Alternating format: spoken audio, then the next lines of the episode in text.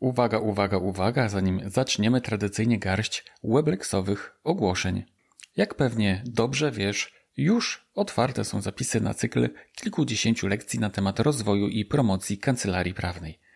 Lekcje te przychodzą do Ciebie mailem raz w tygodniu, nie są długie, lektura każdej z nich zabierze Ci raptem 10 minut maksymalnie, czyli idealnie tyle, ile trwa przerwa w Twojej pracy. Możesz je sobie czytać albo możesz też słuchać. Każda bowiem jest nagrana, abyś mógł czy mogła zamknąć oczy i po prostu wygodnie sobie posłuchać. Albo mógł czy mogła zabrać ją ze sobą w drogę do swojej kancelarii. Tematów jest całe mnóstwo i wciąż dochodzą nowe. Obecnie z owych lekcji korzysta już ponad 1600 prawników. Na kurs Mała Wielka Kancelaria bo tak właśnie brzmi jego nazwa, zapiszesz się na stronie maławielkakancelaria.pl, oczywiście bez polskich znaków. Jeszcze raz, malawielkakancelaria.pl. To tyle ogłoszenia. A teraz, drodzy Państwo, podcast. To jest 87 odcinek podcastu w drodze do kancelarii, którym rozmawiam z doświadczonymi prawnikami, którzy niejedną wiosnę w todze mają już za sobą. Witam Cię serdecznie, mówi jak zawsze Rafał Chmielewski. Dziś rozmowa wyjątkowa z wyjątkowym gościem, a dokładnie z gościnią. I nie będzie to prawniczka, ale ktoś spoza naszej wspaniałej prawniczej branży. Niech jednak cię to nie zwiedzie, bo Kamila Kurkowska nie tylko wie o prawniczym biznesie dużo, nie tylko ma cenne biznesowe spojrzenie z właściwej perspektywy, ale przede wszystkim ma na naszą branżę wyjątkowy i ponadczasowy wpływ. Jest kierowniczką merytoryczną kierunku Legal Tech i innowacje w branży prawniczej na Uniwersytecie SWPS oraz wykładowczynią na kierunku Legal Design Thinking. Jest ekspertką w zakresie innowacji, komunikacji, marketingu, różnorodności i nowych technologii w branży prawniczej. Posiada wieloletnie doświadczenie zdobyte m.in. w Deloitte i Harvard Business Review. Jest założycielką i wspólniczką w dwóch startupach legal techowych. Była nominowana do nagrody European Women in Legal Tech i była sędzią podczas różnorakich legal hackathonów. Jest prelegentką i wykładowczynią, absolwentką Uniwersytetu Stanforda w Kalifornii, jest też mentorką prawniczek. A to, co dla mnie osobiście jest najważniejsze, to Kamila jest prezeską i założycielką Fundacji Women in Law, która robi naprawdę dużą zmianę w naszym świecie. O całej drodze i imponujących doświadczeniach Kamili posłuchasz zresztą za moment. A ja się zastanawiam, jak jedna osoba może dokonać tak wiele i wciąż pociągać za sznurki tak różnorodnych przedsięwzięć. To wciąż pozostaje dla mnie niezgłębioną tajemnicą, chociaż prawdę mówiąc, z wiekiem coraz bardziej dostrzegam niezaprzeczalny fakt, że kobiety w naszym świecie są w stanie dokonywać takich rzeczy, przy których dokonania mężczyzn po prostu bledną. A jeśli więcej jest znanych naukowców, kompozytorów, biznesmenów, polityków, prawników itd. Tak płci męskiej, to tylko dlatego, że zmaskulinizowany i zideologizowany świat zepchnął je, kobiety, do roli opiekunek ogniska domowego. I na przestrzeni setek czy nawet tysięcy lat tak się do tego stanu przyzwyczailiśmy, łącznie zresztą z samymi zainteresowanymi, że mimowolnie i bezrefleksyjnie przypisujemy kobietom niższą rolę społeczną niż gwarantują to prawa człowieka. Dotyka to także właśnie paradoksalnie naszej prawniczej branży. Tymczasem nawet badania archeologiczne pokazują wyraźnie, że w świecie epoki paleolitu kobiety odgrywały znacznie donioślejszą, powiedzielibyśmy, że bardziej męską rolę łącznie z tą, że chwytały za broń i walczyły jak każdy inny osobnik płci męskiej. Były też przedmiotem, czy raczej podmiotem kultu. W wielu ówczesnych społecznościach uważano je za boginie, które dają życie podobnie jak życie daje Matka Ziemia. A nie mówię o tym wszystkim bez przyczyny, gdyż prawa kobiet w naszej branży okazały się być głównym tematem naszej rozmowy. Kamila w ramach swojej fundacji o te prawa walczy i stoi na ich straży. Jest ważną częścią naszego środowiska. Jestem pewien, że nasza rozmowa będzie dla Ciebie interesująca. Zapraszam więc do posłuchania naszej rozmowy. Dodam tylko, i to jest autopromocja, że podcast w drodze do kancelarii jest z dumą i radością wspierany przez wspaniały Weblex Bookkeeping, oferujący najwygodniejszą księgowość prawniczą na tej życiodajnej, wspaniałej planecie.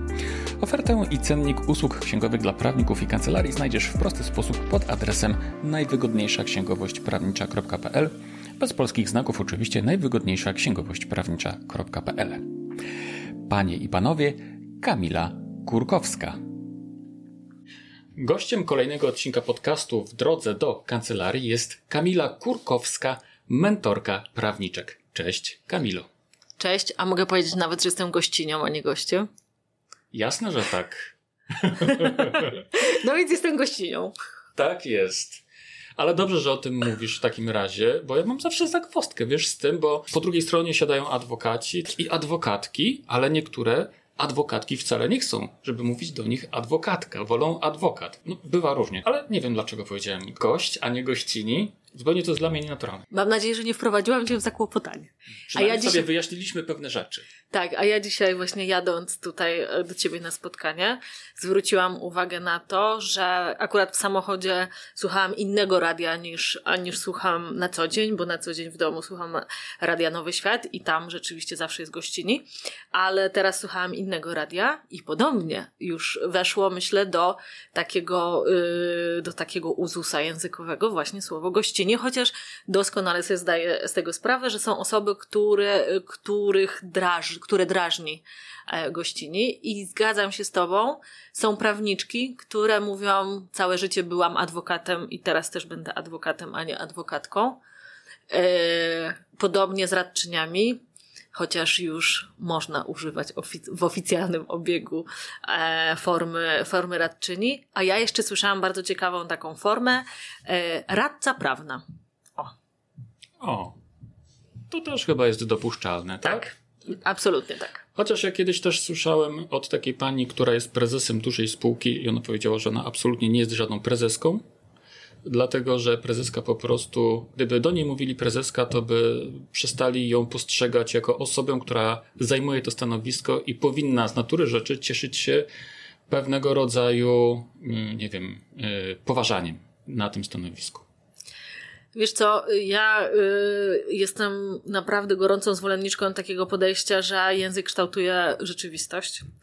I e, jeden z banków, bank BNP Paribas, jakiś czas temu przeprowadził takie badanie e, właśnie wśród przedszkolaków i poproszono dzieciaki o to, żeby narysowały naukowca i znakomita większość, już nie pamiętam w tej chwili jakie to były proporcje, ale 70-80% e, dzieci obydwu płci narysowały mężczyznę. Mężczyznę tak. A kiedy inną grupę dzieci w tym samym wieku poproszono, żeby, e, żeby narysowały osobę, która zajmuje się nauką, to wtedy nie byli już sami mężczyźni tymi naukowcami, więc moim zdaniem to jest bardzo istotne, żeby żeby pokazywać, że nie tylko, że słowo prezes zazwyczaj osobom tylko i wyłącznie kojarzy się e, na przykład z mężczyzną w średnim wieku, tak? A okazuje mm, się, że mhm. prezesem nie tylko są mężczyźni mm, w średnim mm, wieku.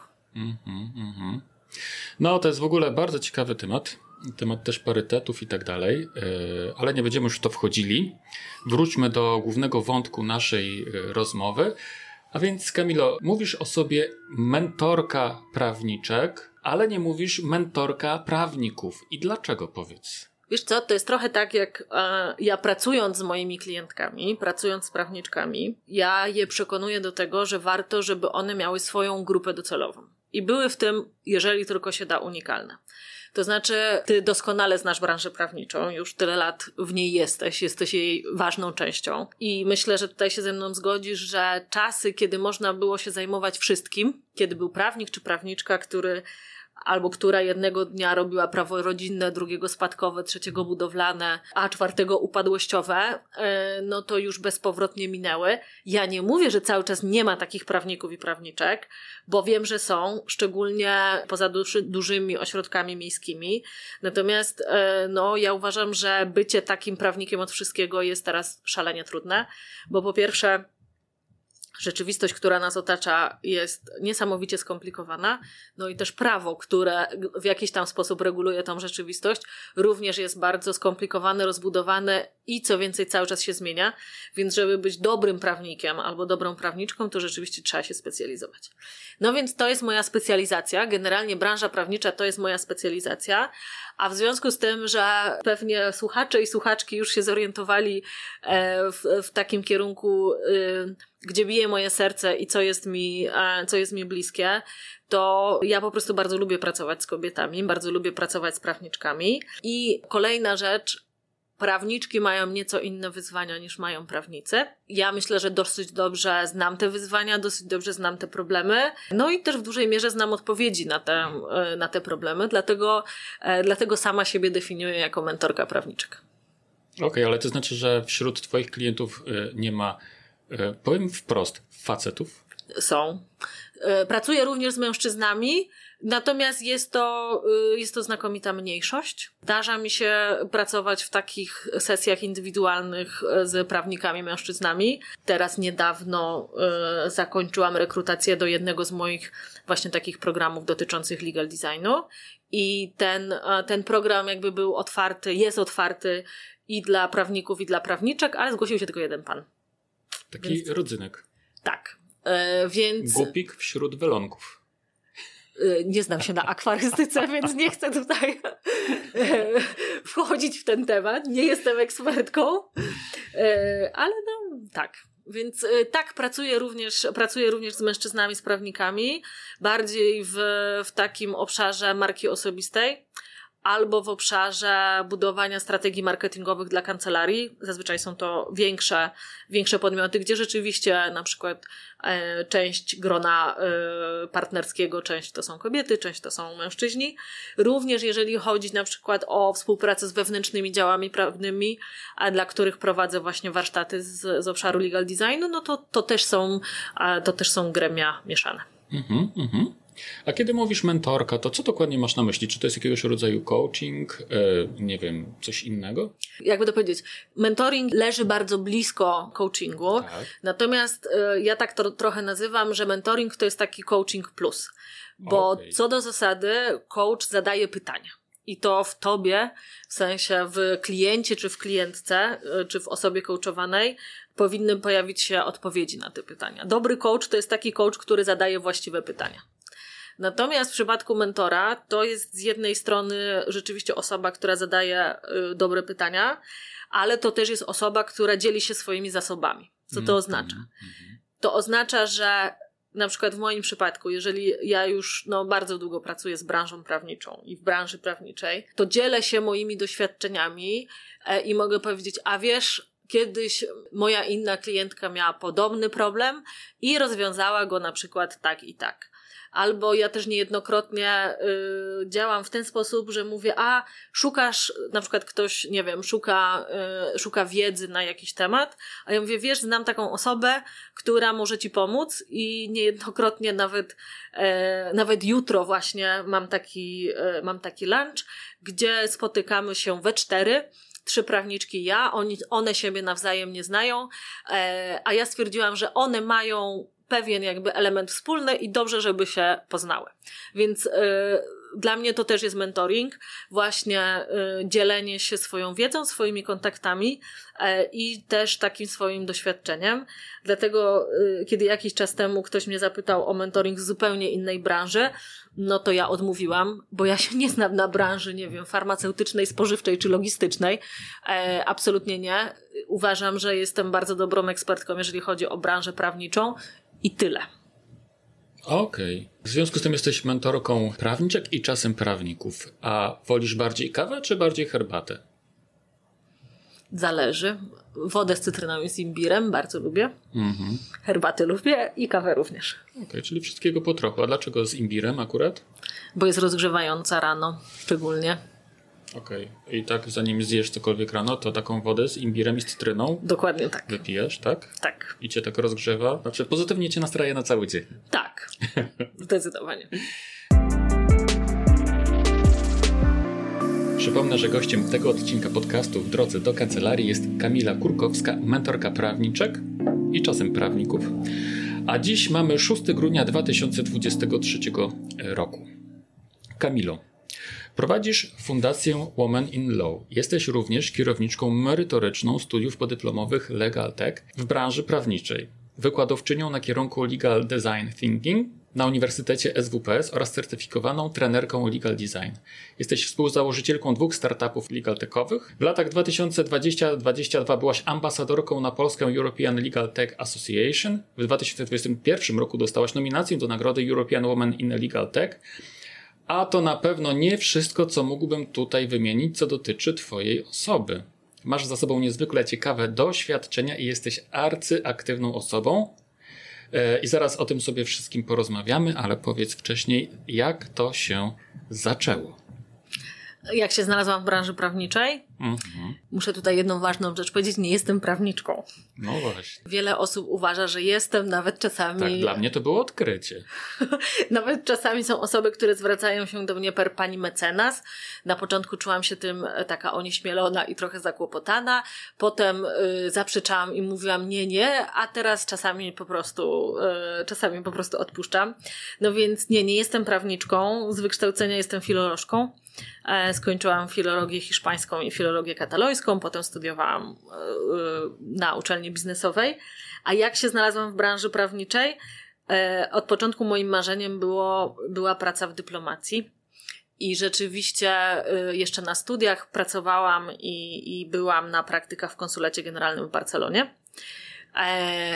I wtedy na tych praktykach stwierdziłam, że to jednak nie jest to. E, bo ja wychodziłam z takiego założenia, być może błędnego, że żeby pracować w dyplomacji, e, to trzeba umieć ugryźć się w język i chodzić na kompromisy. No. A dla mnie to jest bardzo trudne. Znaczy gryzienie się w język, czy chodzenie na kompromisy? Jedno i drugie. I jedno i drugie. Jedno, okay. jedno i drugie. Ja zazwyczaj mówię to, co myślę. E, i nie do końca, i nie do końca, w ogóle wydaje mi się, że, że pracując w administracji publicznej, e, no to, y, to jest takie środowisko, gdzie trzeba się podporządkować. O, może tak. A ja jestem osobą, której bardzo trudno jest się podporządkować, więc stwierdziłam, że jednak, e, że jednak dyplomacja to nie jest to, gdzie bym chciała, gdzie bym chciała pracować. Natomiast wtedy to, co było takie, e, co potem miało dla mnie duże znaczenie, poznałam różnych przedsiębiorców, którzy, e, którzy inwestowali, hiszpańskich i katalońskich, którzy inwestowali w Polsce, szczególnie w nieruchomości, ale nie tylko, to były lata 2005-2006, więc jak ktoś z Twoich słuchaczy lub z Twoich słuchaczek pamięta, to były lata boomu nieruchomościowego w Hiszpanii, a potem e, tutaj w Polsce i bardzo dużo hiszpańskich inwestorów po prostu inwestowało, kupowało tutaj ziemię, stawiali osiedla, i e, biura i tak dalej. Brothers się nie wy... Tak, tak, nie do 2000 to działało. Tak, bo, bodajże do 2008 roku. I ja właśnie kiedy wróciłam ze stypendium na studiach tutaj do Polski, to zaczęłam pracować w firmie doradczej E, I właśnie byłam tam e, taką osobą pierwszego kontaktu dla inwestorów hiszpańskich i katalońskich. Okay. Tutaj trzeba powiedzieć, że generalnie e, to są przedsiębiorcy, którzy słabo mówią po angielsku. Mhm. A że ja mówiłam po hiszpańsku, katalońsku, angielsku, no to byłam takim, taką idealną osobą, która robiła za ich przewodnika tutaj, tutaj w Polsce. Potem nastąpił rok 2008 kiedy rzeczywiście y, ten wielki kryzys globalny nastąpił. Ja zmieniłam pracę i zaczęłam pracować y, w Deloitte, bo rzeczywiście ten obszar pozyskiwania klientów i tego, jak y, promować i jak sprzedawać też usługi profesjonalne, czyli taki consulting, e, to było coś, co, mm, co mnie bardzo kręciło i myślę, w czym też byłam dobra. No i w Deloitte spędziłam 6 lat i 6 e, lat na końcu mojej kariery korporacyjnej byłam szefową 15-osobowego zespołu e, zespołu marketingu e, BD i PR-u dla działu doradztwa podatkowego i w kancelarii prawnej. Wtedy to jeszcze było mhm. razem, teraz chyba też jest razem, nie pamiętam. Mhm. Więc generalnie jakby bardzo mocno wsiąkłam w ten świat usług profesjonalnych, w świat konsultingu.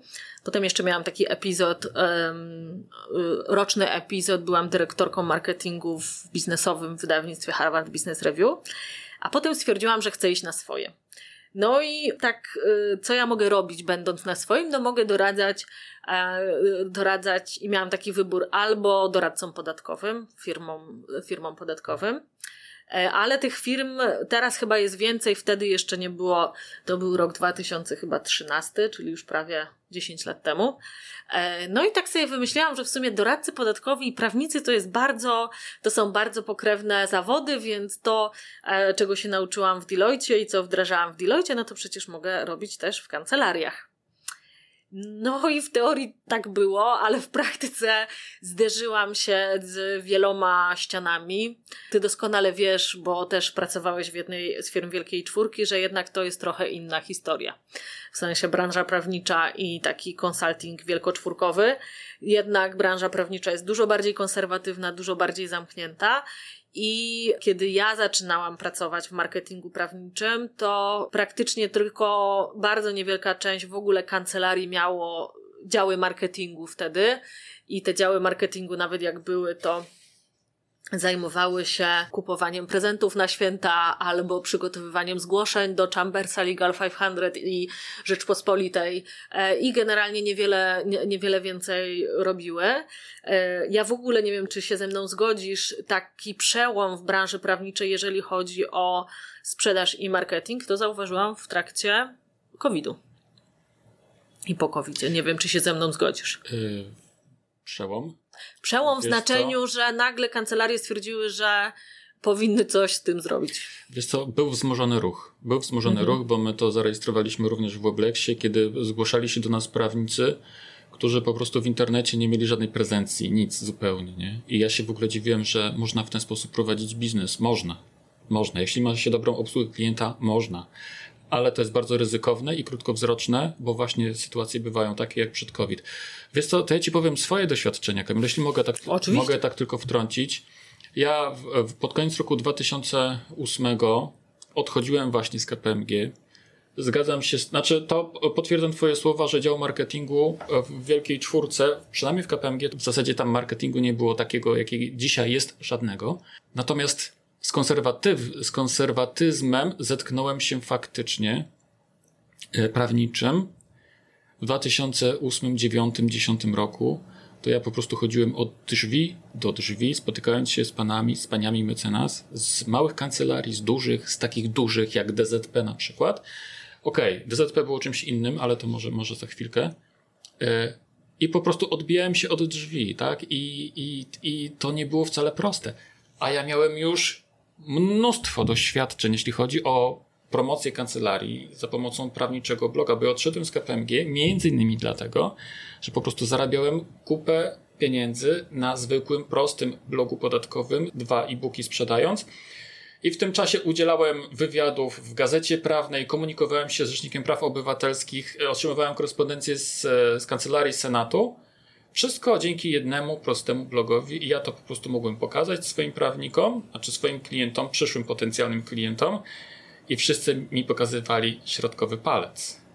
Po co, panie Chmielewski? Mi to w ogóle tego nie, to nie, nie jest potrzebne, tak? Wyjątkiem był tylko, było DZP, gdzie wówczas szefem działu farmaceutycznego był obecny profesor Marcin Matczak, który miał tam takiego zmyślnego prawnika, który nazywał się Mikołaj Bar Barczentewicz. Mikołaj odszedł potem z DZP i pojechał do. Skończył studia doktoranckie, obronił doktorat na Cambridge bodajże i teraz jeździ po świecie, tak? I on namówił profesora Matczaka, żeby założyli blog i wtedy rzeczywiście to było lat, to był rok 2010, kiedy wtedy założyliśmy pierwszy prawniczy blog, ale nie będę tego tematu rozwijał, bo to nie ja jestem gościem, tylko to ty jesteś gościnią. Ale bardzo ciekawie myślę, że y, myślę, że to y, nie tylko dla mnie jest ciekawe, ale też dla słuchaczy i słuchaczek, jaka jest twoja historia. Bo nie wiem, czy nie przesłuchałam wszystkich twoich podcastów, ale tej no, historii nie znałam. W żadnym podcaście nie opowiadałem tego. No, no kilka rzeczy mógłbym opowiadać. Wiesz, wiesz, kiedy się tak naprawdę pozmieniało? Z mojej perspektywy pozmieniało się wtedy, jak PiS przyszedł i po prostu uwolnił zawody. I wtedy się okazało, że jest dużo prawników, rośnie konkurencja i ci, którzy jeszcze wcześniej nie zdołali się załapać na ten pokład, który mówi, e, który nazywa się promocja kancelarii prawnej, to dopiero zaczęli się załapywać i wtedy nastąpił boom. Ale COVID zdecydowanie tak. Ja widziałam ogromną różnicę. E, uśmiechnęłam się, kiedy powiedziałeś, że chodziłeś od drzwi do drzwi. Ja mam bardzo podobne doświadczenia. Bardzo y, zostały mi w pamięci takie słowa jednego z partnerów, kiedy ja tak robiłam moją prezentację, opowiadałam, co to jest ten marketing prawniczy, jak to się robi w Stanach, jak to się robi w, e, na przykład w Wielkiej Brytanii. I pamiętam ten wzrok tego partnera, który patrzył na mnie z takim trochę politowaniem i mówił: Pani Kamilo, my to sprzedajemy przywódcę. E, I no, to było takie brutalne, tak no. bym powiedziała. E, czy było prawdziwe? No pewnie tak, no bo mhm. skoro, a była to dobrze prosperująca, e, dobrze prosperująca kancelaria. Pamiętam też inne rozmowy, kiedy e, byłam na takim dłuższym projekcie w jednej z kancelarii, gdzie partnerzy z innymi kancelariami zagranicznymi stwierdzili, że stworzą swoją własną sieć międzynarodową. I ja byłam właśnie odpowiedzialna od strony komunikacyjnej i marketingowej właśnie za stworzenie tej międzynarodowej sieci.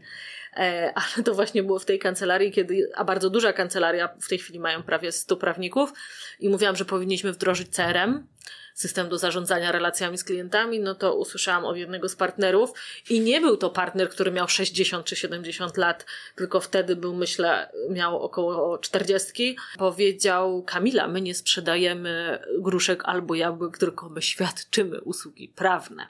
Potem to podejście gdzieś tam się zmieniło, natomiast ja cały czas widzę taką tendencję wśród niektórych i takie trochę zaklinanie rzeczywistości, że cały czas prawnicy otrzymują, e, że pracę to cały czas mają z polecenia.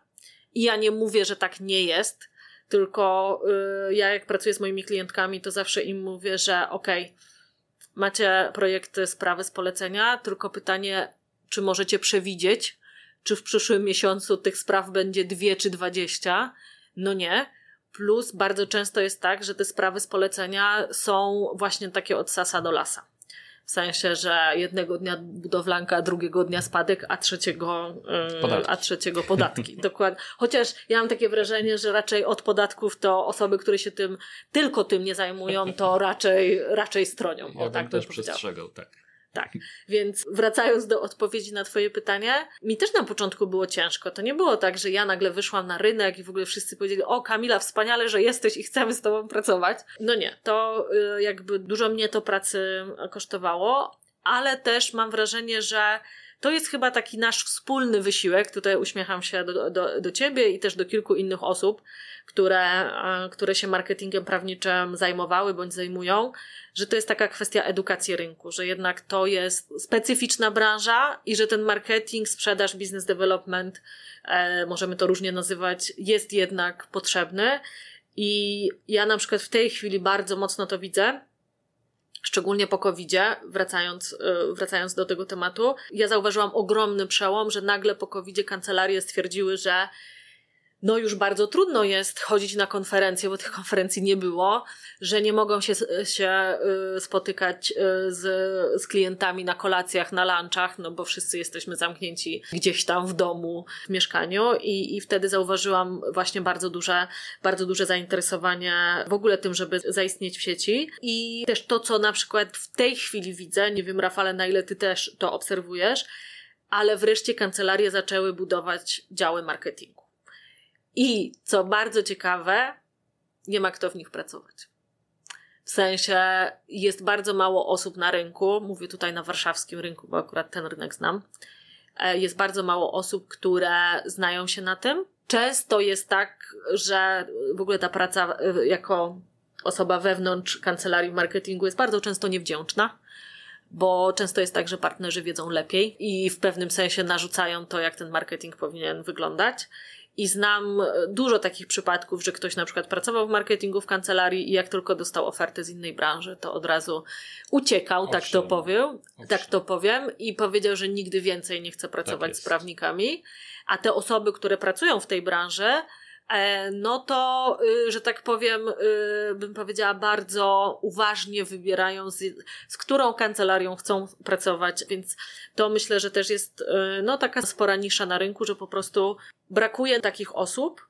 I nie mówię tylko, że to jest kwestia tylko i wyłącznie umiejętności merytorycznych, ale też bardzo często, y, no, w pewnym sensie takiego mindsetu. i tego, żeby stawiać bardzo wyraźne granice prawnikom, partnerom i powiedzieć, ja się znam na tym, a nie wy, wy się znacie na prawie, a ja się znam na marketingu i pozwólcie mi robić to, na czym ja się znam najlepiej. Historii Twojej opowieści, Kamilo, pojawia się temat fundacji. Mhm. Tak? Powiesz coś więcej na temat tej fundacji? Bo ja chyba, wydaje mi się, że kojarzę Cię właśnie e, z działalności w ramach tej fundacji głównie. Fundacja to jest takie moje ukochane dziecko. No właśnie. Która w tej chwili już działa 5 lat, ale tak bym powiedziała, że przez pierwsze dwa lata, kiedy ta fundacja działała, to mój mąż mnie kiedyś zapytał, a czy więcej pracujesz dla fundacji, czy dla swojej firmy? No i tak musiałam spojrzeć prawdzie w oczy i okazało się, że z 70% mojego czasu pracy to poświęcam na fundację, a resztę na taką działalność, byśmy powiedzieli, y, zarobkową czy, zarobkową czy biznesową. Skąd się wzięła fundacja? Powiem tak. Kiedy właśnie pracowałam w Deloitte, to tam była taka inicjatywa właśnie dla kobiet. I ja muszę powiedzieć, że wtedy zupełnie nie rozumiałam, po co ta inicjatywa jest. I wtedy e, miałam takie poczucie, że yy, no przecież nikt nikogo nie dyskryminuje, co tam one wymyślają, przecież wszyscy mamy równe szanse. Ale muszę powiedzieć, że im, yy, zabrzmi to strasznie, ale im byłam starsza, tym bardziej byłam świadoma tego, że rzeczywiście mniej lub bardziej takie yy, no, działania dys dyskryminacyjne mnie spotykają i, yy, i nie tylko mnie właśnie na przykład w jednej z kancelarii, w której, y, już wspomnianej właśnie, w której budowałam ten projekt międzynarodowy, na przykład jeden z partnerów y, powiedział mi, kiedy ja się nie chciałam na coś tam zgodzić, jakąś informację prasową, w sensie na zawartość tej informacji prasowej. Mówiłam, że nie, że nie tak to powinno być, że to powinno wyglądać zupełnie inaczej. Na co ten partner powiedział mi takie zdanie. Wiesz, Kamila, ja zawsze mówię mojej żonie, szanuj pana swego, bo możesz mieć biedniejszego. I powiem tak, ten tekst to jest jeden z takich, powiem kolokwialnie, bardziej lajtowych, które słyszałam ja i nie tylko, yy, nie tylko ja. Potem e, była taka sytuacja, kiedy już dosyć mocno siedziałam w tych tematach legal techowych i co roku wydawnictwo CHBEK właśnie organizuje takie legal tech forum i znowu któregoś roku było tak, że na 11 osób, które e, występowały na scenie, tylko jedna była kobieta, to do tego w panelu, no i stwierdziłam, no kurde, no coś tu jest nie tak, no bo e, biorąc pod uwagę, że w branży prawniczej jest nieco więcej kobiet niż mężczyzn generalnie, a okazuje się, że nie wiem, na konferencji występują sami panowie, no to coś trzeba z tym zrobić. W związku z tym, że też miałam jakieś relacje, jakieś kontakty akurat z, z dziewczynami, które, e, które się zajmują właśnie, wspierają kobiety w branży technologicznej, więc właśnie umówiłam się z nimi na takie spotkanie i miałam serię pytań, jak to wygląda, jak zacząć taką organizację. I dziewczyny mi bardzo pomogły, co zresztą ja w ogóle głęboko wierzę w to, że, że energia gdzieś tam krąży, bo y, z kolei ja w tej chwili czasami działam jako taka y, doradczyni, oczywiście pro bono i nawet w ciągu ostatnich trzech miesięcy miałam chyba ze dwa albo ze trzy spotkania właśnie z osobami, które stwo- chcą stworzyć takie, takie fora dla kobiet w określonej branży czy w określonym biznesie. Więc tak, fundacja zrodziła się trochę z niezgody, trochę z frustracji, trochę z tego, że y, ja nie potrafię trzymać y, języka za zębami i mówię głośno to, co myślę, to już raz dzisiaj powiedziałam. Tak. I chciałam mieć takie forum, żebym nie dość, że ja się mogła wypowiedzieć, to żebym też jakby oddała, oddała scenę innym kobietom, żeby mogły powiedzieć, jak to naprawdę jest. No i właśnie na przykład badanie, które przeprowadziliśmy już prawie dwa lata temu wspólnie z Polskim Stowarzyszeniem Prawników Przedsiębiorstw i PWC Legal, gdzie ewidentnie jakby jest to na, na danych pokazane, że 85% ankietowanych prawniczek było lub jest dyskryminowane z uwagi na, z uwagi na płeć, e, no to już z takimi danymi nie można dyskutować. Jeszcze wspomnę, że w badaniu nie brało udziału, że to nie było kilkanaście prawniczek, tylko prawie 600, więc to myślę, że też ma duże znaczenie. Mhm, mhm. Ale to uczestniczki waszego badania y, czuły, że są dyskryminowane, czy e, czyli subiektywnie odczuwały tę tak. dyskryminację, czy to była obiektywna dyskryminacja? A co to jest obiektywna dyskryminacja? No nie wiem, no jakieś takie, nie wiem, zasady, reguły, no, że na przykład, e, nie wiem, no że wśród partnerów są tylko sami mężczyźni. Na przykład. I to jest obiektywna dyskryminacja. Znaczy, no, bo to jest fakt. Wtedy, mhm. A to, że na przykład kobieta zarabia mniej niż mężczyzna, to to jest obiektywna dyskryminacja? No, też obiektywna jak najbardziej. A myślisz, że na przykład przełożony takich osób to w jakiś sposób tłumaczy? Nie, nie, no pewnie, że nie. Y, a ja uważam, że często jest to tłumaczone różnymi względami, że na przykład dana osoba nie wyrobiła ilości godzin albo była na zwolnieniu, ponieważ dzieci były chore albo różnego, albo nie pozyskuje klientów, albo po prostu nie negocjowała tak, y, że tak powiem, ostro jak y, kolega z zabiórka. Więc ja bym bardzo uważała z takim stwierdzeniem, czy coś jest obiektywną dyskryminacją, mhm. czy nie. Tak, pytanie brzmiało, czy kiedykolwiek czułaś się dyskryminowana. Mhm. I oczywiście ktoś może powiedzieć, że no ale przecież to, że zarabiasz mniej niż twój kolega z zabiórka, to wcale nie oznacza, że jesteś dyskryminowany. Mhm. No nie, pytanie brzmiało, czy te osoby się czuły dyskryminowane. To było tylko jedno z pytań, tych pytań tam było bardzo dużo. My to podzieliliśmy na takie trzy obszary. Właśnie yy, ten e, obszar dotyczący kariery zawodowej, obszar dotyczący przekraczania granic, bo uważam, że to jest bardzo duży temat tabu w branży prawniczej. Mówiąc o przekraczaniu granic, ja tak ładnie mówię, ale chodzi o molestowanie seksualne i mobbing.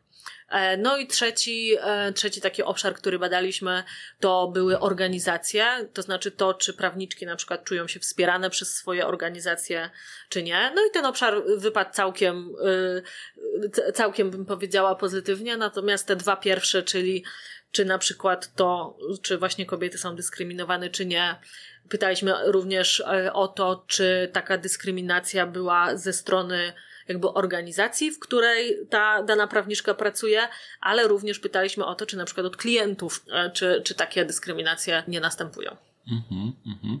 Jest to tak jak mówiłaś, e, wspomniałaś o tym, że to podejście obiektywne, tak, że tu mhm. liczy się bardziej to podejście subiektywne, absolutnie się z Tobą zgadzam. Yy, ale, nie, bez ale. Mhm. Mnie jako facetowi, tak, trudno sobie w ogóle wyobrazić taką sytuację i myślę, że nie tylko mnie, tak, E, że wielu facetom, mężczyznom, po prostu trudno sobie wyobrazić sytuację taką, w jakiej, e, jak może czuć się kobieta właśnie w różnych, w różnych sytuacjach, nie tylko w kancelarii prawnej, ale w różnych mhm. sytuacjach, tak? W, takim życiu codziennym. I stąd właśnie może takie moje pytanie, tak? Czy to było właśnie e, subiektywne odczucie, czy to był fakt e, obiektywny? E, no, tylko tyle. Taki y, skromny komentarz. Tak, zadam Ci takie pytanie. Oczywiście tutaj próbka jest bardzo mała. Czy kiedy, albo może czy pamiętasz, czy no. na przykład kiedy byłeś rekrutowany do KPMG, to pytano Cię, jaki jest Twój stan cywilny na przykład? Wiesz co, nie zadano mi tego pytania.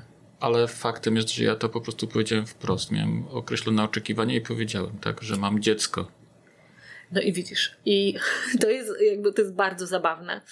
Zabawne, już mówię dlaczego. Bo jeżeli mężczyzna idzie na rozmowę o pracę i powie, i na przykład ma na palcu obrączkę i powie, że ma dziecko, to od razu jest postrzegany jako bardzo atrakcyjny pracownik, no bo jeszcze najlepiej jakby miał kredyt, więc, Jasne, więc będzie pracował i będzie dawał z siebie wszystko. Żeby spłacić kredyt. Żeby spłacić kredyt, wychować dziecko i generalnie no jest w ogóle takie, jest też takie zjawisko właśnie premia za ojcowstwo i kara za macierzyństwo.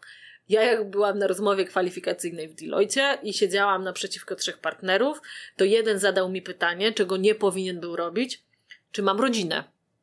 Bo wtedy byłam tuż po studiach, miałam jeszcze podwójne nazwisko po moim pierwszym mężu. E, I ja wtedy e, jakby e, zareagowałam w sposób z dzisiejszej perspektywy mi się wydaje zabawny, ale to nie o to chodzi, że ja byłam tak błyskotliwa i miałam taką ciętą ripostę, tylko powiedziałam, no tak, ja mam mamę, tatę, dwóch braci i dopiero naprawdę po długim czasie uświadomiłam sobie, że on mnie pytał, czy ja mam rodzinę, w sensie, czy mam dziecko, czy mam męża, czy mam dzieci, no bo e, ja się wielokrotnie spotykam z tym, że kobiety, prawniczki mówią, że na przykład jak są w okolicach 30 roku życia, to na przykład pracodawcy nie chcą ich zatrudniać, no bo jest takie zagrożenie, że na przykład zajdą w ciążę. E, w ogóle takie y, gorzko się w tej chwili uśmiecham. My w zeszłym roku bodajże robiłyśmy w fundacji takie spotkanie z autorkami książki Jak się starzeć bez godności. Nie wiem, czy znasz. Jeśli nie znasz, to bardzo polecam. Mhm. Jest też podcast, e, wcześniej był w Radiu 357, teraz, e, teraz jest jakby osobno.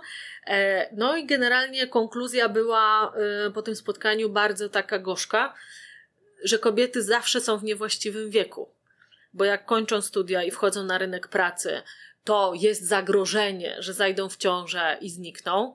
Jak już mają dzieci, no to y, nie są atrakcyjnymi, w sensie y, nie, nie, warto z nimi nawiązywać współpracę, no bo przecież dzieci chorują i te kobiety chodzą na zwolnienia i ich potem nie ma.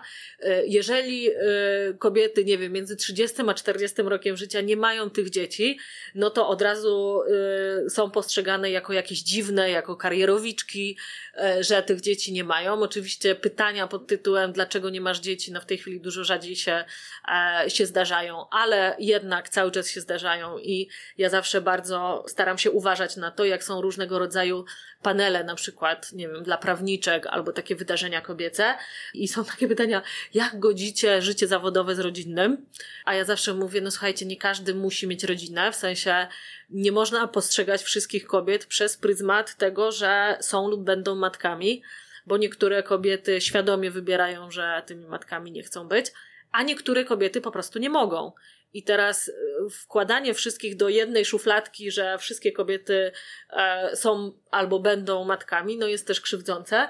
No i wreszcie gdzieś tam w późniejszym etapie kariery, kiedy kobieta jest starsza, no to zaczyna wpadać znowu w taką, w taką czarną dziurę bycia niewidzialną, albo jak jest na przykład na eksponowanych stanowiskach, to za chwilę zaczynają się pojawiać jakieś takie krzywe komentarze, że a może ma menopauzę i będzie miała humory i tak dalej, i tak dalej. Więc e, właśnie y, po tym spotkaniu taka gorzka konkluzja, jednej z uczestniczek, że tak naprawdę kobiety są, zawsze są w jakimś niewłaściwym wieku. Wracając do, do Twojego pytania, czy to jest obiektywne, czy to jest subiektywne. Pewnie w jakiś sposób subiektywne i pewnie wielu mężczyznom e, gdzieś tam nie mieści się w głowie, że jakieś zachowanie może być dyskryminujące, bo nigdy też takiego e, zachowania na przykład nie, nie, doświadczyliśmy. Nie, nie doświadczyli. To, co na przykład ja widzę, bo w, w działania fundacji angażują się również mężczyźni, prawnicy i co jest zabawne, najczęściej mają córki. Wtedy dopiero zaczynają dostrzegać, e, że to może być problem. Co zabawne, kiedyś czytałam takie, e, o takich badaniach, e, robionych wśród mężczyzn i były takie mm, badania, że jakie cechy są pożądane u córki, a jakie u żony czy tam partnerki. No i generalnie ci sami panowie mówili, że u córki to super jakby była przebojowa, walczyła o swoje i w ogóle, y, żeby, żeby była nastawiona na siebie i na samorealizację. Natomiast ci sami mężczyźni odpowiadali, że w przypadku partnerek to dobrze, żeby dbała o dom i żeby generalnie nie miała zbyt dużych ambicji zawodowych.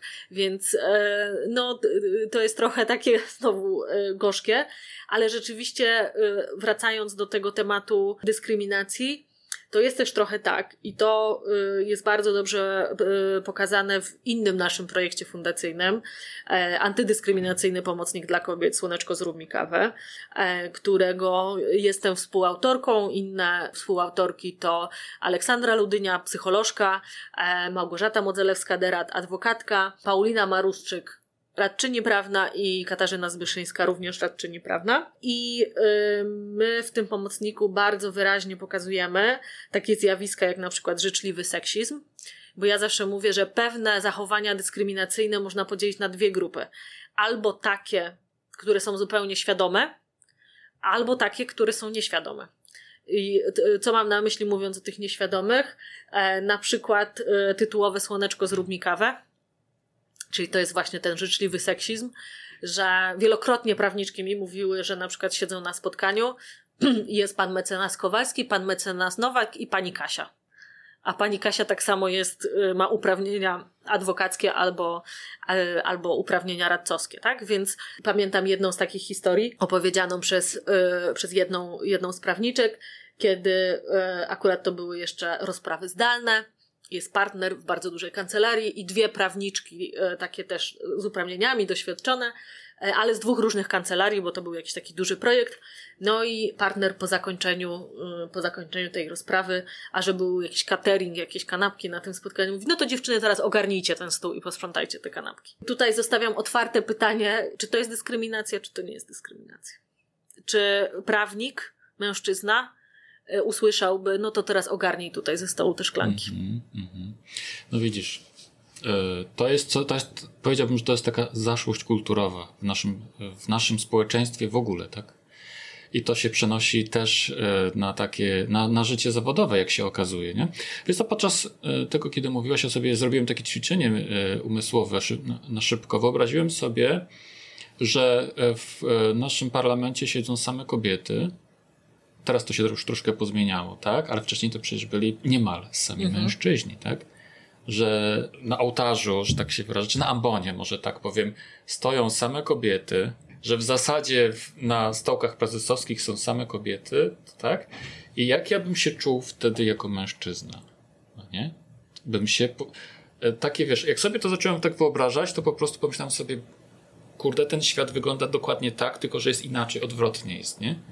Że no, w parlamencie jest, jest więcej kobiet na szczęście, ale w sumie, ale na ołtarzach czy na ambonach w sumie są sami faceci, tak? I oni też decydują o naszym, waszym życiu.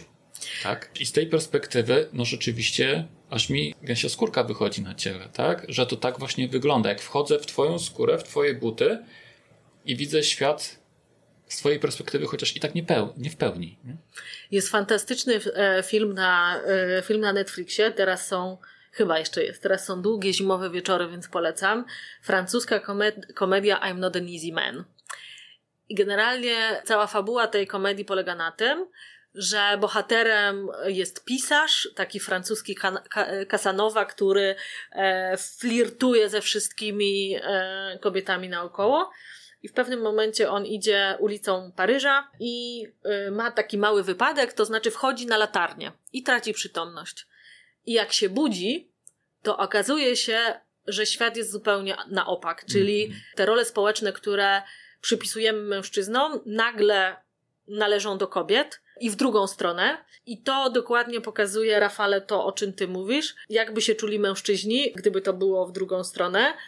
Y, ja powiem jeszcze o jednej rzeczy, taka, y, takiej, która mnie ostatnio bardzo, y, no, dotknęła to może złe słowo, ale którą, którą zauważyłam. Podobno szalenie wzrosła oglądalność obrad Sejmu. No teraz tak, z tak. obecnym e, e, marszałkiem, tak. Marszałkiem Hołownią. I kilka, kilkanaście dni temu była cała taka afera, żeby nie powiedzieć inaczej, z posłanką Gajewską, która przyszła do Sejmu z dzieckiem, no i generalnie wylała się na nią fala hejtu, że jak tak można, że Sejm to nie, to nie przedszkole i tak dalej, i tak dalej.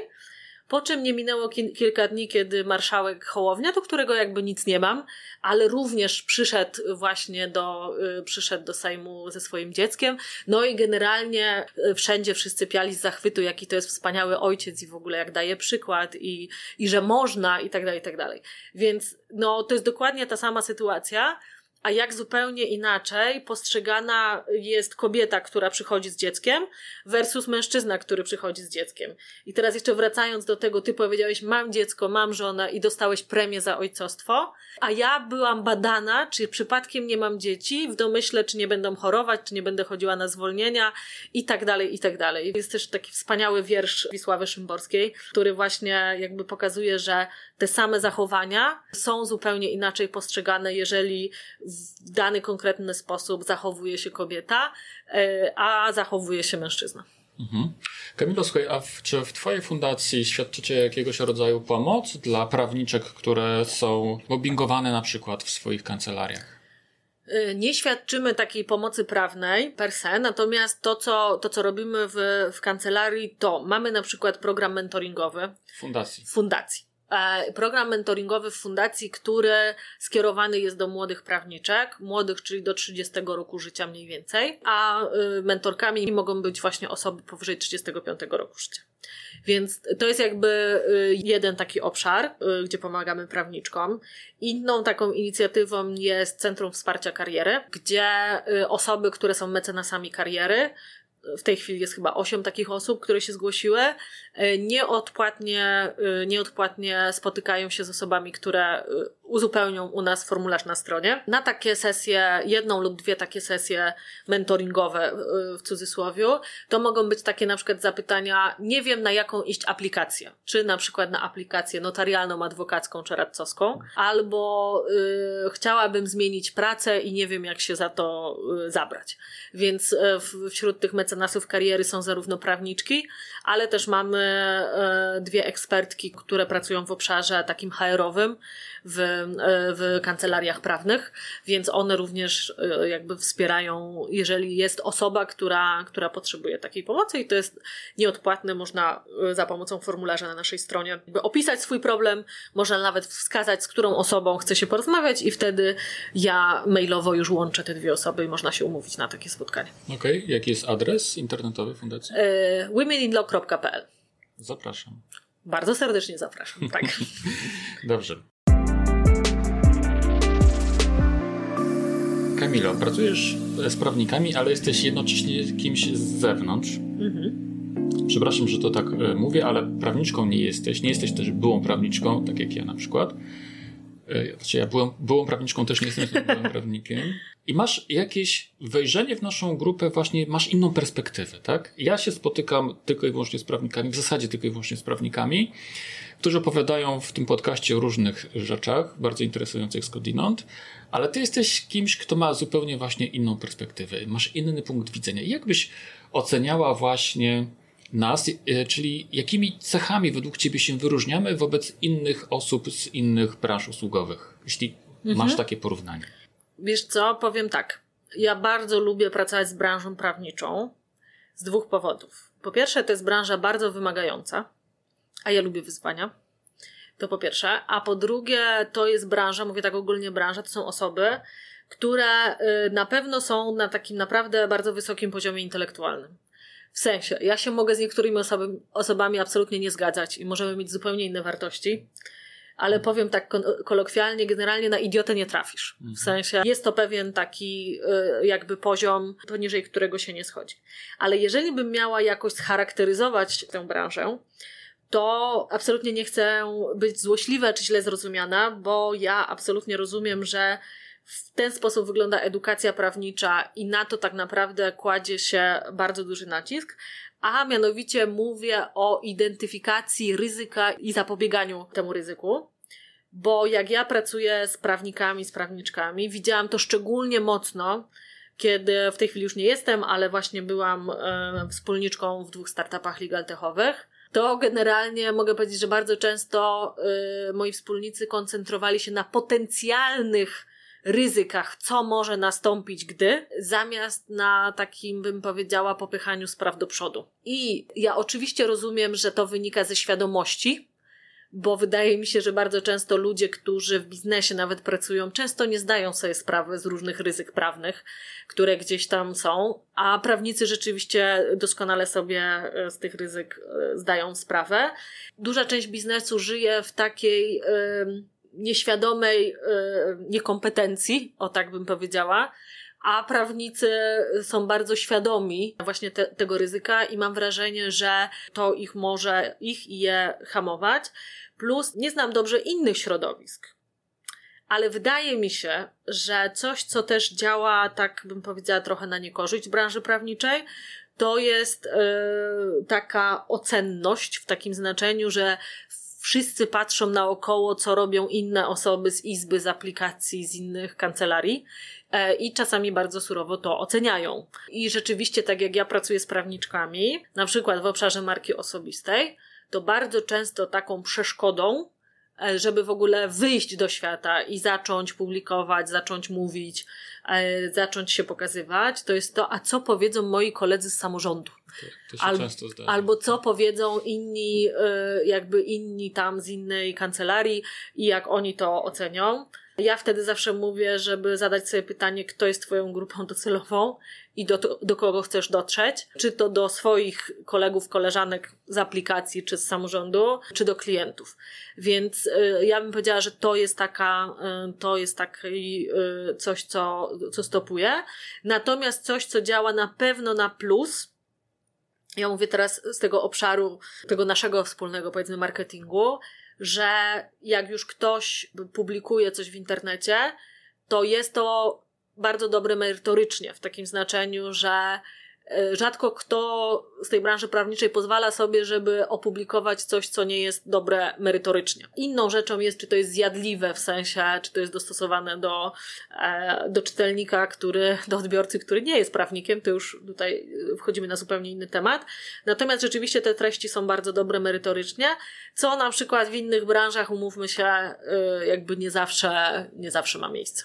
Okej. Okay. A według Ciebie jaki mamy stosunek do nowych technologii? Bo może Z się... rezerwą, no tak właśnie, bym powiedziała. Może... Tak, ale widzisz, e, przepraszam, bo ci przerwałem, mów. Nie, nie, proszę, nie? proszę, proszę. bo ja już chciałem, ale dobrze, czy, czy, czy e, ta rezerwa, o której wspomniałaś, czy poziom rezerwy maleje, czy, czyli czy się stajemy bardziej otwarci na nowe technologie? Wiesz co, ja ci powiem tak, ja miałam ogromną nadzieję, przed COVID-em, no to jeszcze wtedy nikt nie wiedział, jak to będzie, ale ja miałam ogromną nadzieję, że y, no, ta pandemia zrobiła bardzo dużo złego, ale też zrobiła bardzo dużo dobrego i że to będzie taki początek takiej rewolucji technologicznej, tak, ta, ta pandemia. No i co się okazało? No i okazało się, że okej, okay, jakby kancelarie korzystają z Teamsów czy z innych komunikatorów, no bo muszą, że y, rozprawy odbywają się zdalnie i nagle można, że jest podpis elektroniczny, a okazuje się, że znakomita większość prawników właśnie to ten podpis elektroniczny uważa jako największe osiągnięcie, yy, osiągnięcie w, w, w kancelariach. To, I to nie jest moje, że tak powiem, yy, moje zdanie, ale właśnie yy, wspomniany już CHBek robi badania na ten temat co roku i właśnie z tego co pamiętam, ten podpis elektroniczny tam cały czas jest na pierwszym miejscu jako, y, jako naj największa zdobycz, że tak powiem, e, technologiczna. I to by było na tyle. Mhm. Tak bym powiedziała. Więc y, oczywiście są kancelarie mniejsze, większe, które są trochę bardziej albo trochę mniej zdigitalizowane, ale to nie jest oszałamiające. Coś, co było dla mnie bardzo dużym rozczarowaniem, bo byłam przekonana, jeszcze tak ze trzy lata temu byłam przekonana, że kolejne stanowiska, które zaczną się pojawiać w kancelariach, tych dużych kancelariach, to będzie taki, nie wiem, menedżer, menedżerka do spraw innowacji, tak? Czyli ktoś, kto wymyśla nowe rzeczy, ktoś, kto jakby jest bardzo zaawansowany technologicznie i tak dalej, i tak dalej. I ja znam dwie takie osoby i tyle. I więcej takich stanowisk nie było tworzonych nie wiem, czy nie ma potrzeby, czy osoby zarządzające kancelariami dochodzą do wniosku, że to nie jest pierwsza potrzeba. Ja bym powiedziała tak, że znowu kolejna taka moja nadzieja, zobaczymy co, co, co, co z tego wyniknie, no to jest oczywiście ChatGPT, generalnie sztuczna inteligencja. I zabawne jest to, że znam kancelarię, gdzie jest absolutnie zabronione, żeby, e, żeby z tego korzystać, co moim zdaniem jest takim strzałem w stopę. I ja oczywiście nie mówię tutaj, że pewnie wpuszczajmy, nie wiem, dane klientów do, do bezpłatnej wersji czata GPT, bo absolutnie nie, ale yy, w ogóle jakby znowu zamykanie oczu i udawanie, że to nie istnieje jest no totalnym, totalnym błędem. Bardzo ciekawe szkolenia prowadzi Kasia Abramowicz, którą obydwoje znamy i Kasia jest założycielką e, specprawnika, czyli tak. E, tego marketplace'u dla prawników. No i rzeczywiście czasami jest tak, że y, potencjalni klienci publikują E, zapytanie prawne, którego nikt e, nie chce się podjąć, że tak powiem, odpowiedzi. Więc właśnie Kasia wraz z zespołem e, wzięli na warsztat kilka takich odpowiedzi, no i okazywało się, że one są celne, oczywiście nie wszystkie. I teraz, czy to ma wpływ na pracę prawników? Moim zdaniem absolutnie tak. Jedna z moich klientek za moją namową przeprowadziła badanie wśród swoich klientów, na ile oni wykorzystują sztuczną inteligencję w odpowiedzi na takie codzienne pytania prawne. No i się okazało, że 45% do takich niewielkich pytań prawnych wykorzystuje sztuczną inteligencję. Więc no moim zdaniem to powinno bardzo dużo dać do, do myślenia prawnikom. Ja absolutnie nie mówię, że prawnicy zostaną zastąpieni przez sztuczną inteligencję, ale ci prawnicy, którzy się nie ogarną, że tak powiem kolokwialnie, i sami nie zaczną korzystać e, z tych, z tych narzędzi, no to po prostu będą, nie będą konkurencyjni i będą nieefektywni i ci, którzy potrafią korzystać, po prostu ich wyprzedzą. Powiem Ci, wczoraj zadałem takie pytanie sztucznej inteligencji. E, wszedłem na czata GPT. E, jakie formy promocji dla kancelarii prawnej by mi polecił, nie? czy poleciła? Otrzymałem kilka różnych propozycji wśród których nie było bloga prawniczego, nie? I hmm. zapytałem, no a co powiesz o blogu prawniczym i otrzymałem odpowiedź, bardzo cię przepraszam, faktycznie, pominęłam to, a po, czy pominąłem to, a powinnam była rzeczywiście na to zwrócić uwagę. Słuchaj, odjęło mi mowę. Serio, tak? Że po prostu, wiesz, potraktowała mnie trochę ta maszyna w zasadzie, bo to przecież jest nic innego, tak? Kot jakiś tam. Zwrócił uwagę na moje jakieś potencjalne uczucia. Uważam, że to jest, e, że to już jest dużo. I sam jestem ciekaw tego, w jaki sposób to będzie się dalej rozwijać, a że pomocą to może być e, obecnie w pracy e, kancelarii prawnej, to nie wątpię w to. Dlatego, że kiedy ja siedziałem jeszcze za biureczkiem na 14 piętrze w szklanym wieżowcu na ulicy Chłodnej, to e, taki e, czat z mojej perspektywy dzisiejszej bardzo by nam się, bardzo by mi się wtedy przydał. Bośmy wtedy, tak jak nie mieliśmy e, pojęcia, jak zacząć, jak podejść w ogóle do jakiegoś problemu, to pierwsze co robiliśmy, to po prostu otwieraliśmy Google, tak? A dzisiaj mhm. na pewno otwierany jest czat GPT. Jestem o tym święcie przekonany. Więc bez wątpienia to, to przyniesie e, zmianę w naszym zawodzie, ale bym się też nie bał tego absolutnie, tak? Bo wyobrażam sobie, że niektórzy mogą się po prostu tego nieco obawiać. Ja jestem przekonany, że dopóki lodówka nie będzie musiała, moja lodówka nie będzie musiała pójść do prawnika, tak? To prawnik z krwi i kości zawsze będzie po prostu potrzebny. Absolutnie tak. I nawiążę do tego, co mówiłam na początku naszej rozmowy, że ta specjalizacja, znalezienie grupy docelowej i poznanie problemów tej grupy docelowej to jest moim zdaniem w pewnym sensie taka polisa ubezpieczeniowa, że no nie zastąpi tak nas e, chat GPT. Tak jest. Dobrze, lećmy dalej, bo nam się rozmowa, słuchaj, tutaj klei, ale przyciąga, jednym słowem też.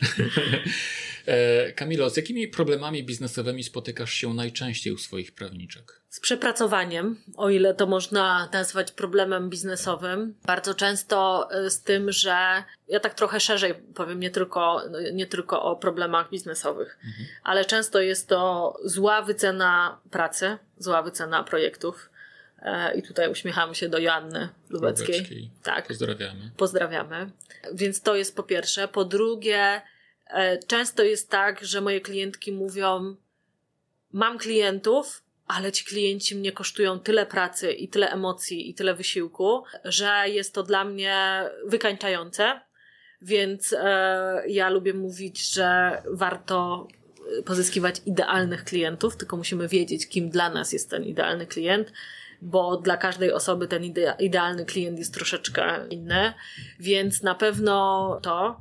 Myślę, że z takich problemów, które y, dotykają nie tylko prawniczki, ale w ogóle prawników, Ostatnio y, widziałam się właśnie na lunchu z moją klientką, która, która jest karnistką.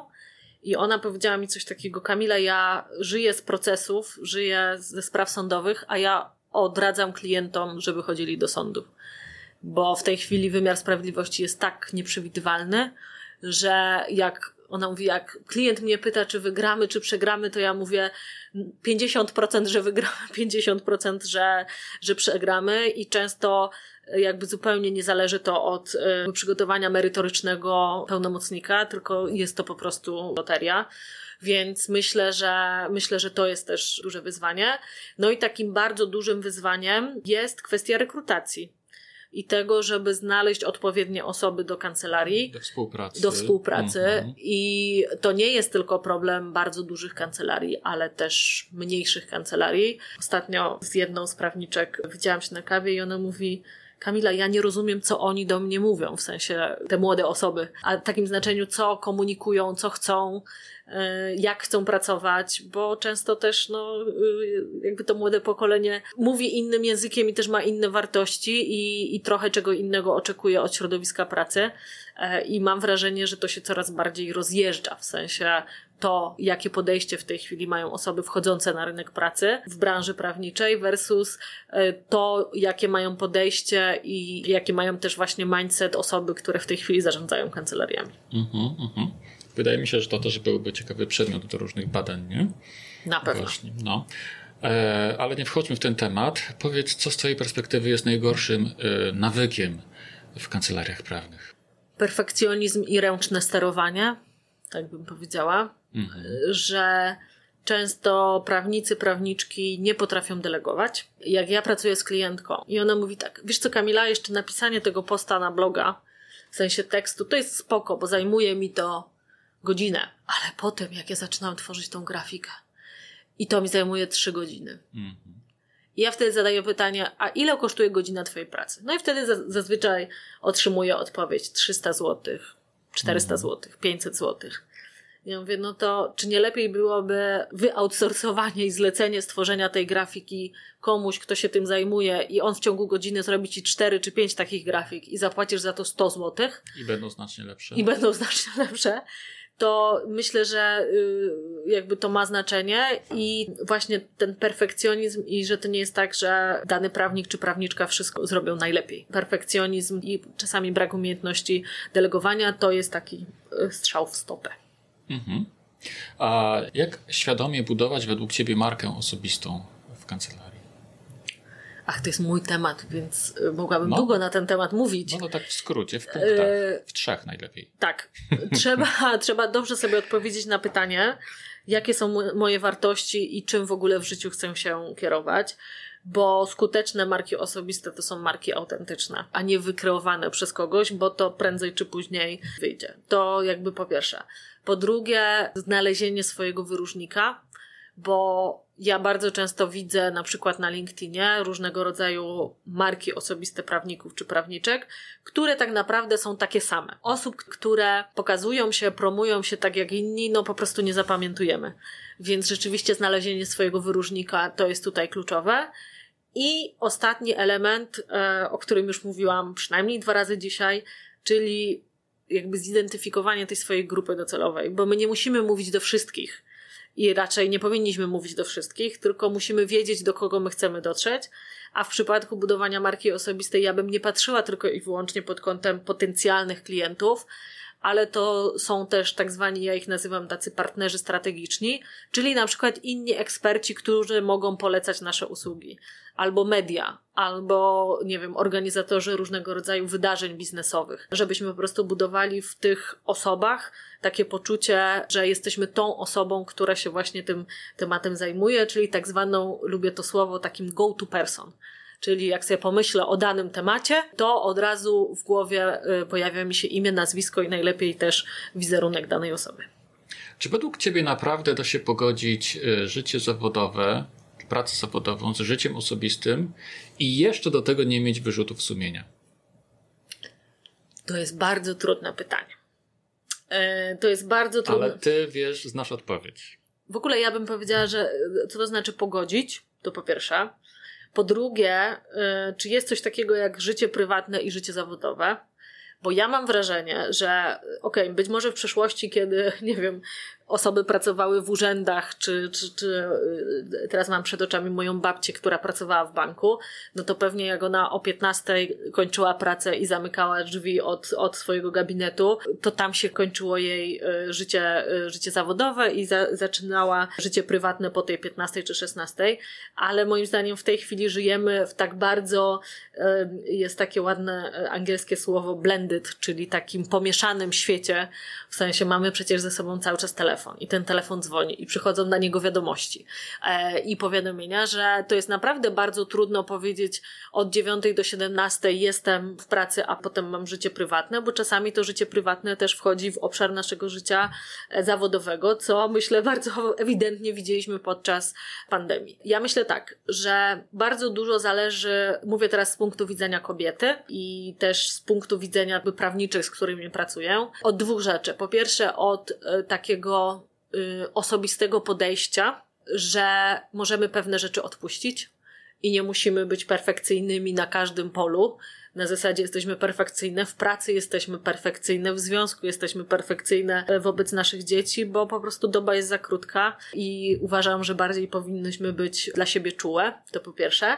Więc mamy ten obszar taki wewnętrzny, ale drugi obszar to jest, ja bym powiedziała, y, nasze otoczenie i ten obszar zewnętrzny, bo nie mówię, że mężczyźni nie są pod presją, bo również są, ale ja się wypowiadam jako kobieta i jakby w imieniu kobiet, że bardzo często właśnie kobiety są pod ogromną presją, że, y, no, że właśnie powinny być więcej w domu, że powinny spędzać czas z dziećmi, y, że dlaczego tak szybko wracają do pracy po urlopie macierzyńskim, albo dlaczego w ogóle tego urlopu macierzyńskiego nie biorą, a że są takimi wyrodnymi matkami, że na przykład skupiają się na karierze, więc cały ten obszar tego naszego otoczenia, i te, tej presji społecznej, no jest też na pewno bardzo istotny w kontekście właśnie wyrzutów sumienia. A jakie według Ciebie cechy powinien mieć dobry prawnik bądź prawniczka? Zależy w jakim obszarze. I to mówię zupełnie bez, że tak powiem, ściemy, bo moim zdaniem zupełnie inne cechy powinien mieć ktoś, kto zajmuje się M&A-ami, zupełnie inne cechy powinien mieć ktoś, kto zajmuje się prawem karnym, a jeszcze, nie wiem, jeszcze zupełnie inne ktoś, kto, kto zajmuje się prawem rodzinnym. Więc y, to jest bardzo trudno odpowiedzieć na takie pytanie, jakie są dobre, dobre cechy. Ja bym powiedziała tak, że taką cechą, której czasami mi brakuje u prawników, prawniczek, to jest empatia, ale w takim znaczeniu często jak mówimy o empatii w, w, gdzieś tam mówiąc o prawnikach, prawniczkach, no to mamy na myśli właśnie to prawo rodzinne, że ktoś jest taki opiekuńczy i tak się wczuwa w, jakby w, w te potrzeby klienta. Ja do tego podchodzę znacznie, znacznie szerzej. To pewnie jest też Tobie bliższy temat z punktu widzenia na przykład obsługi klienta w kancelarii, że dla mnie ta empatia to jest właśnie wejście w buty użytkownika, wejście w buty klienta i próba zrozumienia, jak klient, jak użytkownik może postrzegać rzeczywistość albo na przykład nasze usługi. W sensie, że też takie jakby to, co w mojej ocenie jest istotne, co jest cechą dobrego prawnika czy prawniczki, i tutaj mówię zarówno z punktu widzenia, jeżeli ktoś pracuje w wewnętrznym dziale prawnym, czy w kancelarii, jest zrozumienie, że klient przychodzi po to, żeby nie po to, żeby kupić usługę prawną, ale po to, żeby rozwiązać jakiś problem albo zapobiec powstaniu jakiegoś problemu. I jeżeli prawnik czy prawniczka zrozumieją, po co są ich usługi, że to nie jest tak, że sprzedają 5 godzin usługi prawnej, tylko sprzedają rozwiązanie jakiegoś problemu, no to moim zdaniem to już będzie połowa sukcesu. Wśród e, swoich licznych zasobów masz też takie szkolenie o zdobywaniu klientów. To tak. prawda? Prawda. Zgadza się. Fakt. Obiektywny. Fakt. Tak.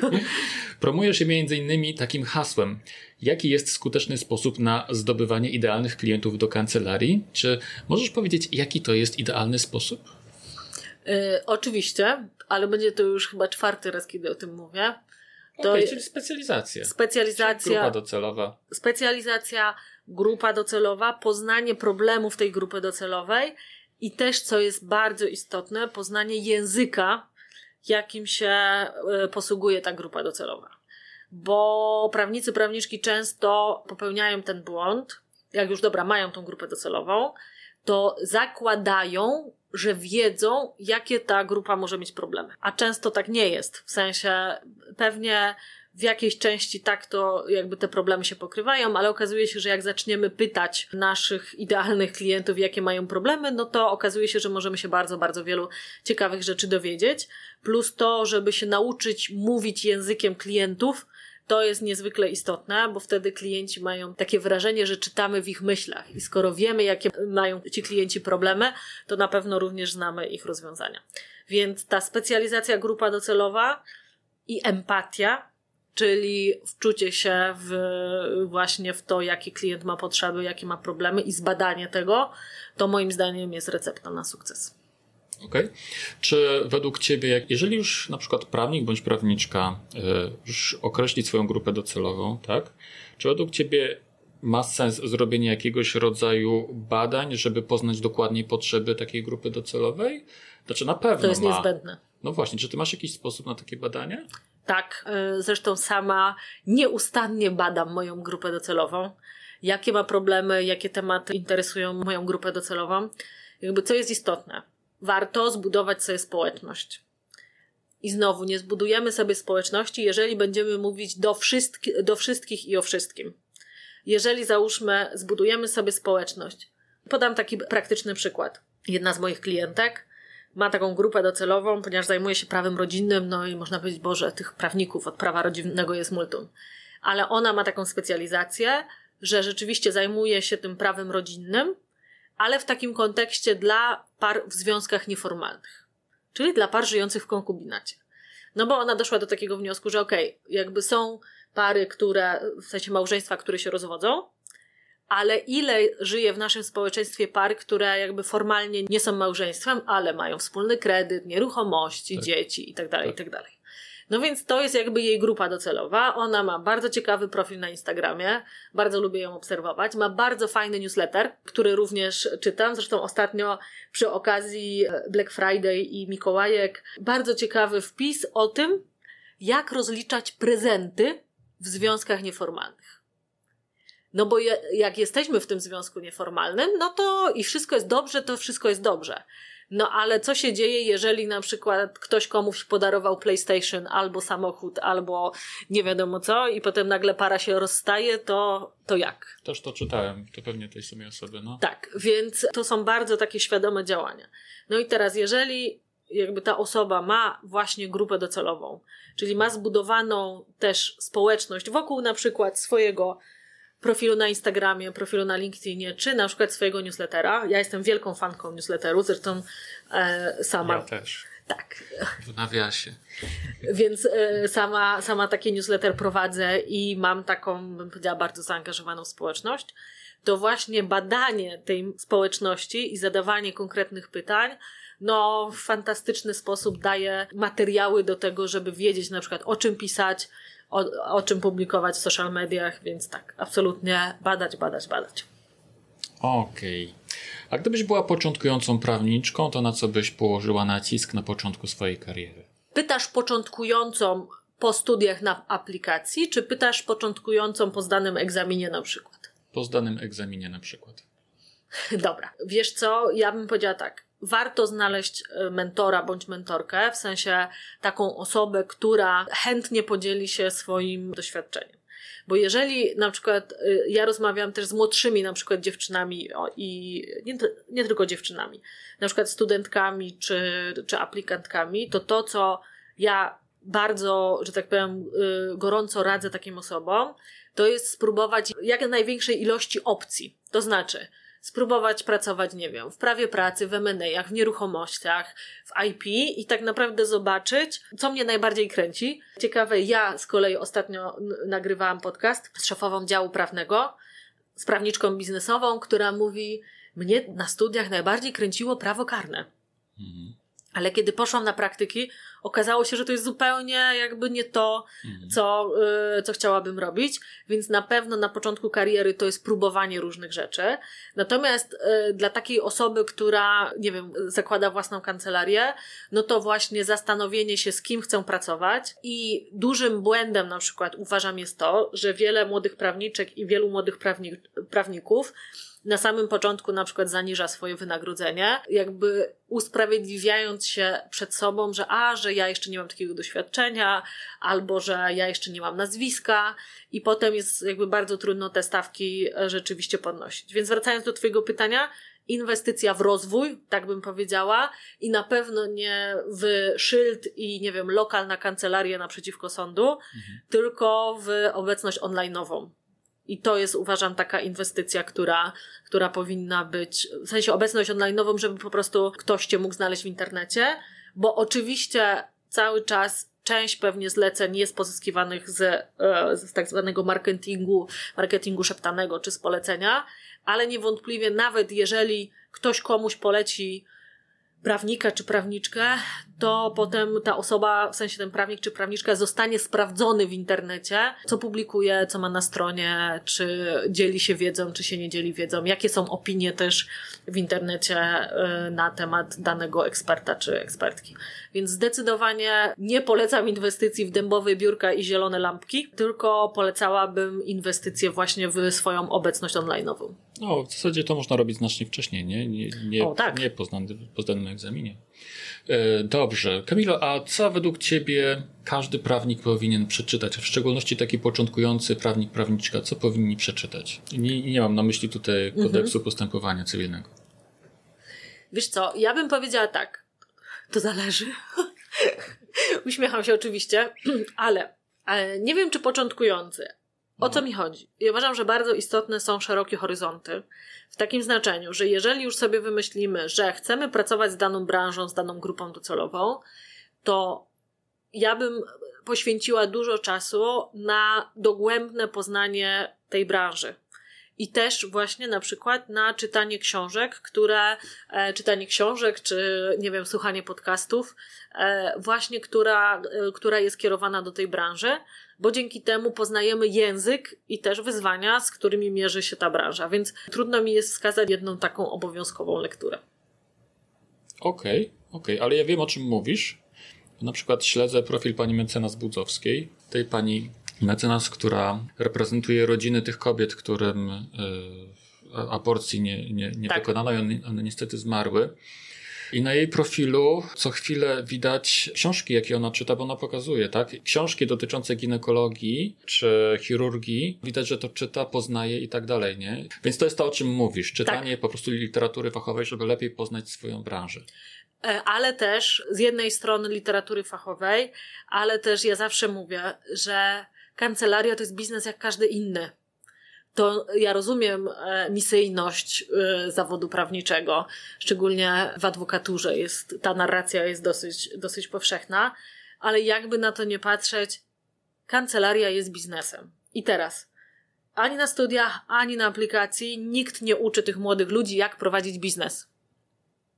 Bardzo często nawet, i to słyszę, że no teoretycznie instytucja patronatu to to jest y, jakby to miejsce w, w, karierze osoby, nie wiem, radcy, adwokata, czy radczyni, czy adwokatki, gdzie to patron powinien nauczyć, jak pozyskiwać klientów, jak prowadzić biznes, jak rozliczać czas w kancelariach, a tak naprawdę jak słyszę, to to prawie nie istnieje. Więc mówię o tym w takim znaczeniu, że warto sięgać po prostu po książki biznesowe takie, które mówią o tym, jak pozyskiwać klientów, jak sprzedawać, jak, e, jak się promować. No jest ich, jakby, jest ich bardzo, bardzo dużo.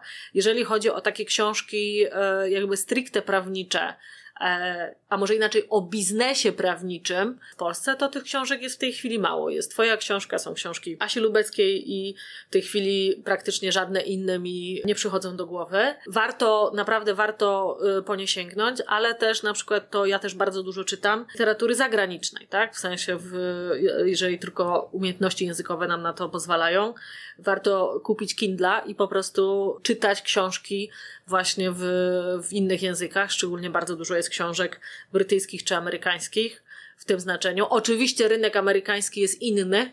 E, muszę powiedzieć, że mnie fascynuje amerykański rynek prawniczy. E, na pewno w Europie, w Polsce, w Europie nie, jakby nie dojdziemy do takiego poziomu i, i, i ten rynek prawniczy na pewno będzie inny, ale myślę, że można się wielu ciekawych rzeczy nauczyć i dowiedzieć. No, ale powiem Ci szczerze, że jak e, tak wiesz, przeglądałem te książki naszych amerykańskich kolegów, to tak, jeśli chodzi o marketing prawniczy, to tak bez szału, nie? Bez szału, tak, ale wiesz, no zawsze, zawsze to coś, o tak bym powiedziała. Znaczy no w Polsce w ogóle nie ma na przykład o, nie wiem, o e-mail marketingu w kancelarii prawnej nie ma żadnej nie pozycji, ma. nie? Nie, nie kojarzę też, żeby no, było. Dobrze, no, trzeba napisać. E, Kamilo, wśród swoich licznych kursów, które byś poleciła? Który jest taki najciekawszy, najlepszy? To zależy. No. to, to, to, zależy na jakim, jakby na jakim etapie jesteśmy, bo mój flagowy kurs właśnie Pracuj mniej, zarabiaj więcej. To jest kurs dla prawniczek, które właśnie prowadzą kancelarię i które chcą się nauczyć w sposób regularny i przewidywalny pozyskiwać klientów. I co, co bardzo ciekawe, ja tworzyłam ten kurs z takim założeniem, że to będzie kurs dla prawniczek, które będą prowadziły takie małe albo no, co najwyżej takie średnie kancelarie. Po czym się okazało, że praktycznie w każdej edycji mam partnerki z dużych kancelarii. I e, ja byłam zaskoczona tym, bo wydawało mi się, że akurat duże kancelarie to mają to w miarę ogarnięte. E, okazało się, że nie. Więc, e, więc e, ten, e, ten kurs jest właśnie kursem stricte dla prawniczych kancelaryjnych.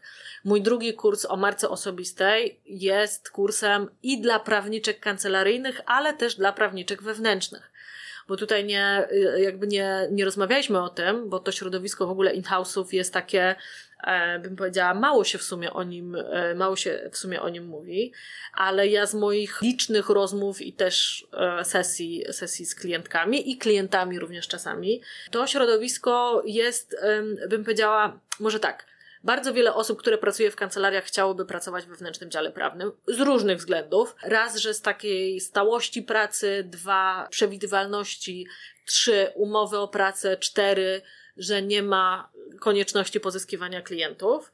Ale mało osób o tym mówi, że jak ktoś już zajmuje takie stanowisko szefa bądź szefowej wewnętrznego działu prawnego i z jakichś względów traci taką pracę, bo na przykład e, firma się sprzedała, albo wszedł inwestor, albo jeszcze z jakichś innych względów, to potem e, znalezienie pracy na poziomie właśnie head of legal jest bardzo trudne, bo tych stanowisk jest mało, a chętnych jest, e, a chętnych jest, jest bardzo dużo. I właśnie jakby wypracowanie sobie takiej marki osobistej jest w pewnym sensie taką gwarancją tego, taką zawodową polisą ubezpieczeniową, że nawet jak stracimy tą pracę, to będzie dużo łatwiej nam kolejną pracę znaleźć, czy to jako head of legal, a może, nie wiem, w Radzie Nadzorczej, a może w jakimś innym charakterze. A jeżeli nie ma nas w internecie, jeżeli nie mamy tej swojej marki osobistej, no to tak naprawdę zostajemy z niczym. Więc ten, ten mój drugi kurs właśnie jest i dla prawniczek wewnętrznych, ale też dla prawniczek kancelaryjnych które chcą świadomie i skutecznie budować swoją markę osobistą. No i trzeci program, jak tworzyć dokumenty prawne, tak żeby biznes je pokochał, czyli legal design. To jest z kolei program dla i in-house'ów, i prawników, prawniczek, którzy się zajmują produkcją, powiem w cudzysłowie, dokumentów prawnych, czyli takich osób z obszaru prawo pracy, RODO, e, dokumenty korporacyjne, umowy z klientami, e, z kontrahentami. O, compliance jest do tego świetny, e, dane osobowe, wszelkie te kwestie związane z privacy, GDPR-em i, w ogóle zarządzaniem tym obszarem. To jest właśnie kurs dla takich osób, które chcą wiedzieć, jak to robić dobrze. A w jaki sposób się najłatwiej z Tobą skontaktować? Myślę, że na LinkedInie. Mhm. Na LinkedInie bywam najczęściej pod moim imieniem i nazwiskiem, czyli Kamila Kurkowska. Jestem również na Instagramie Kamila Kurkowska, mentorka prawniczek, albo na mojej stronie internetowej kamilakurkowska.pl. Kamilo, bardzo serdecznie Ci dziękuję za e, rozmowę. Tak mi czas szybko minął, słuchając Ciebie. Słuchaj, na zegarze mam tutaj godzinę 34 minuty i 35 sekund, więc dosyć długo. Bardzo Ci dziękuję. Ja również Ci dziękuję, Rafale, za zaproszenie. I właśnie chciałbym podkreślić, że Twoja perspektywa taka zewnętrzna e, mi przynajmniej bardzo dużo e, w pewnym sensie odświeżyła trochę mi mój mózg, wiesz? O. Taką trochę jaśniej. No, więc bardzo z dużym zaciekawieniem Ciebie słucham. Dzięki. Dziękuję Ci bardzo. Przypomnę jeszcze naszym słuchaczom, że gościem tego odcinka podcastu w drodze do kancelarii była Kamila Kurkowska. Gościnią była Kamila Kurkowska, mentorka prawniczek Kamilo. Dzięki. Dzięki. I to już tyle, co dzisiaj dla Ciebie przygotowałem. Mam nadzieję, że wiele się dowiedziałeś, dowiedziałaś i że te kilka dziesiątek minut było dla Ciebie czasem pożytecznie spędzonym. Słyszymy się w kolejnym odcinku podcastu w drodze do kancelarii. Mówił Rafał Chmielewski, autor pamiętnika adwokata oraz szef w grupie Weblex wspierającej prawników i kancelarii prawne w zdobywaniu wielkiego i wspaniałego świata.